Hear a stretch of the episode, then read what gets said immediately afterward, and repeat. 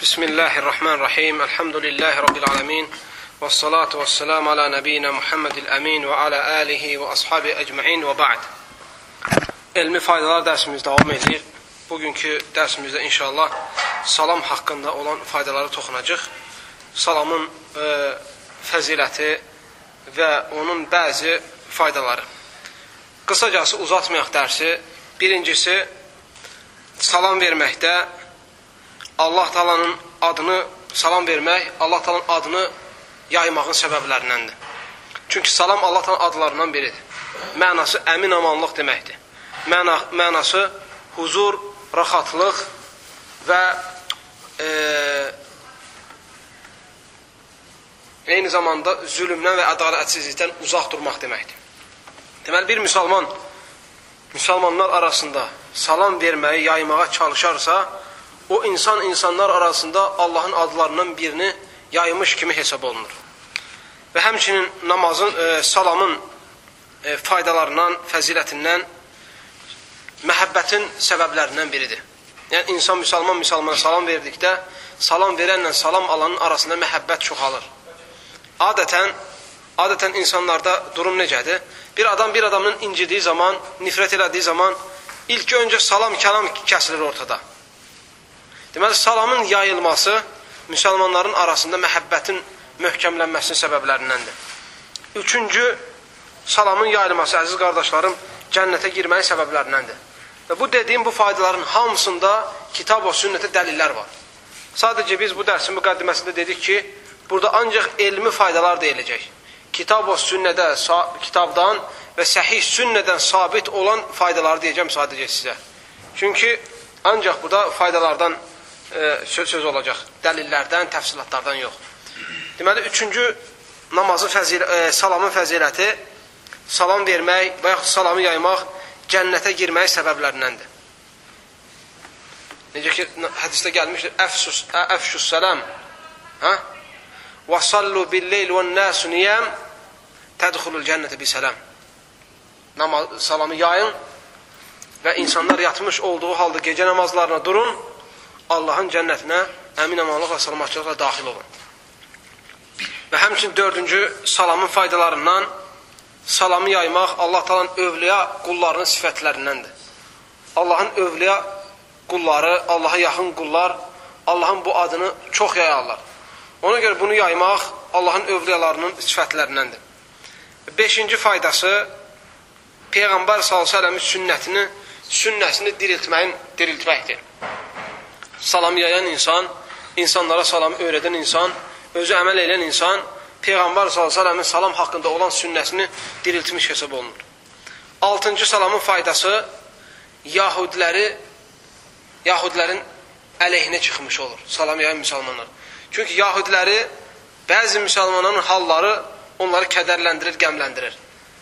Namazda topuq-topuğa, çiyin-çiyinə durmaqları, eyni zamanda xor səslə bərabər şəkildə Fatihədən sonra əmin demələri və müsəlmanların öz aralarında bir-birinə salam yaymaları bunların hamısı yahudiləri narahat edən əməllərdəndir. Ona görə əgər bir uşağı sakit saxla orada. Ona görə əgər müsəlman bu salamı yaymağa çalışarsa, əməl eləməyə çalışarsa, Allahın izni ilə yahudilərin xoşuna gəlməyən bir şeyi Allahın dinində olan mübarək bir şeyi yerinə yetirmiş olar. Və həmçinin salamın fəzilətindən və səbəblərindən və əhkamlarından salamı yaymaq çünki fərq var. Salamı yaymaqla salamı verməkdə. Bir var, bir adamı görəndə necə ki insanların arasında el adətidir. Bir dəfə əssəlamu aleykum deyirsən və salam. El adətinə görə ikinci həmin insana həmin gündə bir də salam versən, sənə şübhələnməyə başlayır. Deyir ki, bu görmürmü? Bu səfikdirmi? Bu dəlim olub? Mən hər görəndə mənə salam ver.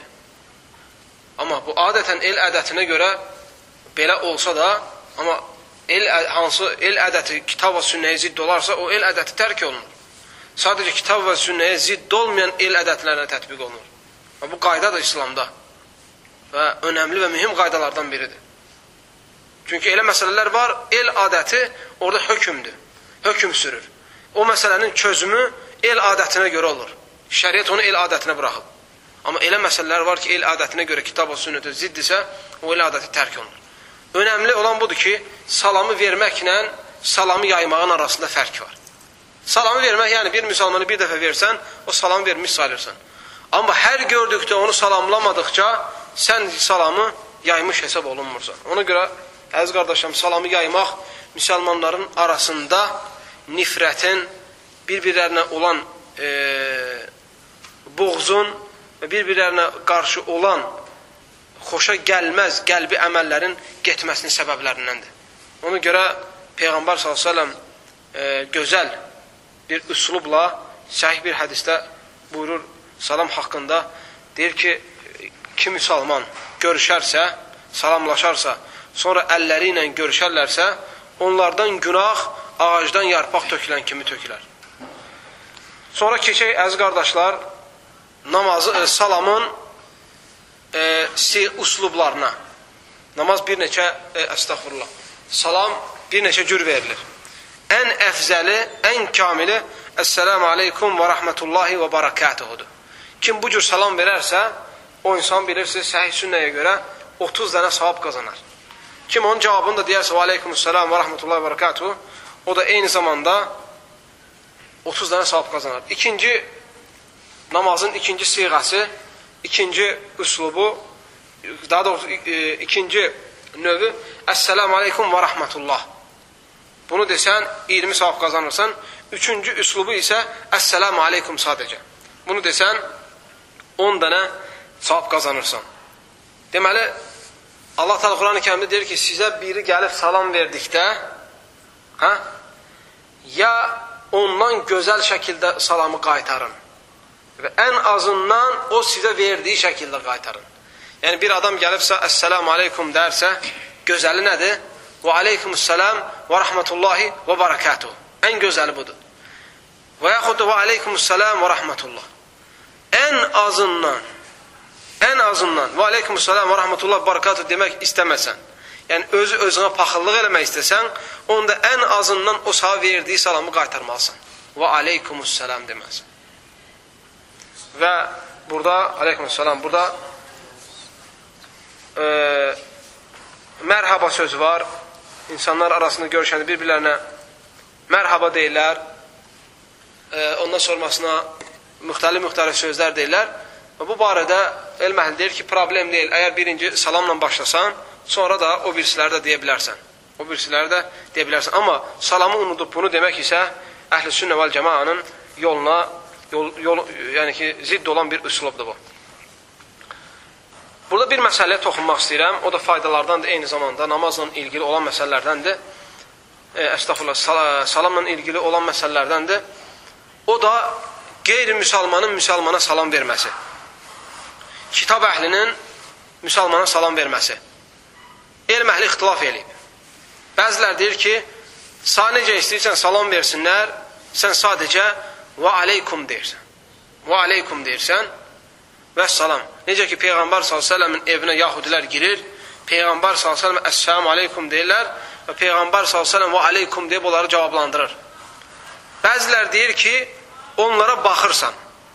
Əgər salamı açıq-aşkar dedilərsə, əssəlamu aleykum, o mənada ki, qarğış mənasında gəlmir. Çünki əssəlamu aleykum deməkdir ki, sən öləsən sənin başına ölüm gələ, müsibət gələ, bədbəxt olasan, bəd duadır.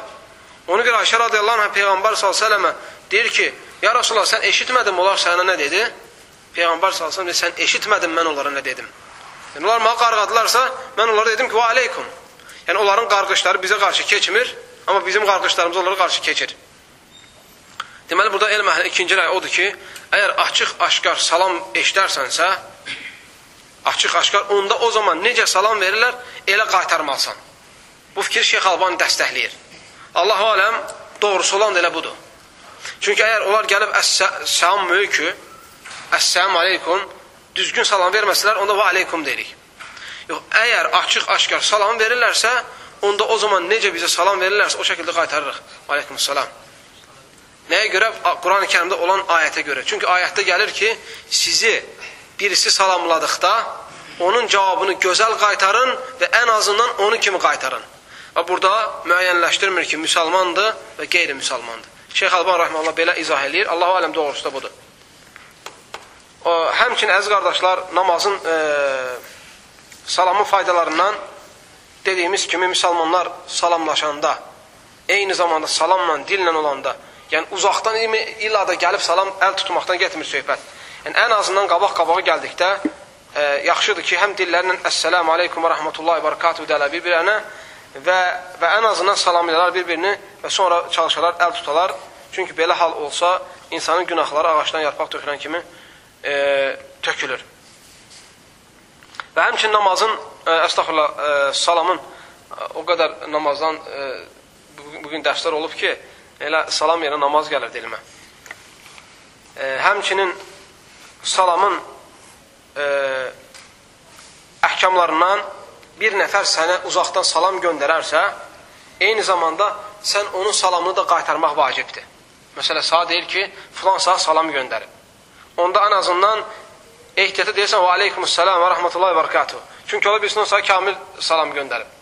Və ən azından o unutsan, ən azından deyirsən, və aleykə və aleyhimussalam. Yəni, sənə də salam olsun, sənə də salam olsun, göndərinə də salam olsun. Ən azından belə deyirsən. Sonra gəlir bir məsələ. Radioda, televizorda biri səni salamlayır. Efirdə salamlayır. Onda o zaman deyil məhli deyir ki, onun salamını qaytarmalısan. Və yaxud da kitab oxuyursan, qazet oxuyursan, jurnal oxuyursan, biri orada məqalədən, oxuduğun şeydən qabaq Əssəlamu aleykum və rəhmətullah və bərəkatuhu deyir. Ona görə Şeyx Fovzan rəhməhullah deyir, hətta qazetdə, jurnalda olsa belə, sən Əssəlamu aleykum və rəhmətullah oxudunsa, onda o zaman onu və aleykumussalam və rəhmətullahi və bərəkatuhu deməlisən. Sonra bu da salamla ilgili olan məsələlərdən biri, əgər bir insan namaz qılana salam verərsə, O necə salam qaytarır? E, əsl odur ki, namaz qılan insana salam verməyəsən. Narahat eləməyəsən. Əgər salam verəsi olsan, onda namaz qılan insan əli ilə salamını qaytara bilər. Yəni, əli belə bu cür bağlayıbsa, əli belə eləməyi kifayətdir. Təşəhüd oxuyursa, əlini belə eləməyi kifayətdir.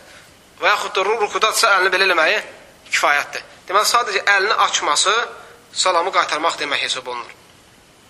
Necə ki, Peyğəmbər s.ə.v bu cür e, salam verəndə namazda, namazda ikən bu cür salamını onu qaytarır.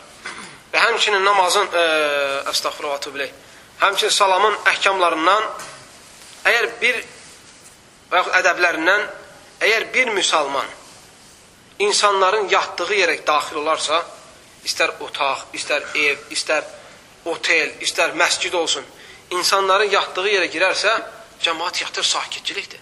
İçəri girib, Əssəlamu aleykum və rəhmətullahi və barakatuhu. Cəmaatı o, o, o atmaq olmaz. Ha? Sonra da səhər duranda onlarla mübahisə edirsən ki, mənim salamımı qaytarmırsınız siz. Onda belə çıxır ki, bir yerdə bir neçə adam yatası olsa səhərə kimi yatmayarlar. Hə? Demək, ədəblərdəndir, əhkamlardandır ki, insanlar yatan yerə girdinsə, onda o zaman o şəkildə salam verirsən ki, nə yatanı oyatmırsan, həm də oyaq adama eşitdirirsən. Yəni, bir adam oyaqdırsa, onu eşidir. Əgər bir adam yatırsa, onu da durğuzmursan. Orta və asta və otağa və yaxud olduğun yerə münasib səslə. Bu, görürsən, bu da İslam dinin ədəblərindəndir.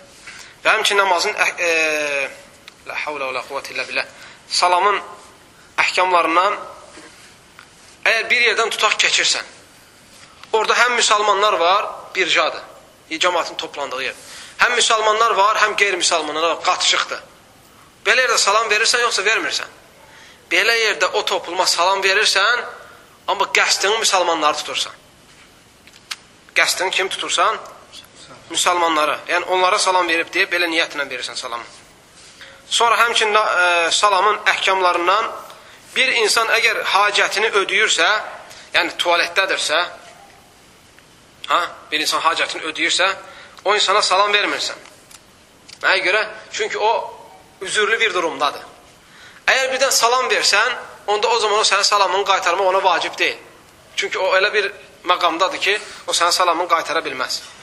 Ona görə bu məsələdə iki dənə önəmli böyük bir fayda var. O da həm salam verən insan diqqətli olmalıdır. Salamı kimə verir və necə verir? Hər işdiyi baxımından, hər tərəfindən, həm də salam, salam alan insan. Salam verən insan çalışmalıdır, kamil salam versin, münasib şəkildə salam versin, həm ədəbinə uyaraq, həm ərkanına uyaraq, həm də fəzilətini bilərək. Alan insan da eyni zaman ə, onun fəzilətini bilərək, əhkamlarından xəbəri olaraq onu qaytarmalıdır. Necə ki, bəziləri bəzən sual verir ki, orada əzan olanda mən də deyir, tualetdəyəm. Mən təkrarlaya bilərəmmi? Yox, orada olduğun zaman, hacət zamanında üzürlüsən, nə əzanı təkrarlamırsan, nə zikr eləmirsən, nə söhbət eləmirsən. Çünki ora o yerlərə münasib olan yer deyil. Allah Taala'dan istəyirəm ki, bizi eşidib faydalananlardan etsin. Və sallallahu əleyhi və səlləm və barik ala nəbiyinə Muhammed və ala alihi və sahbi ecmaîn.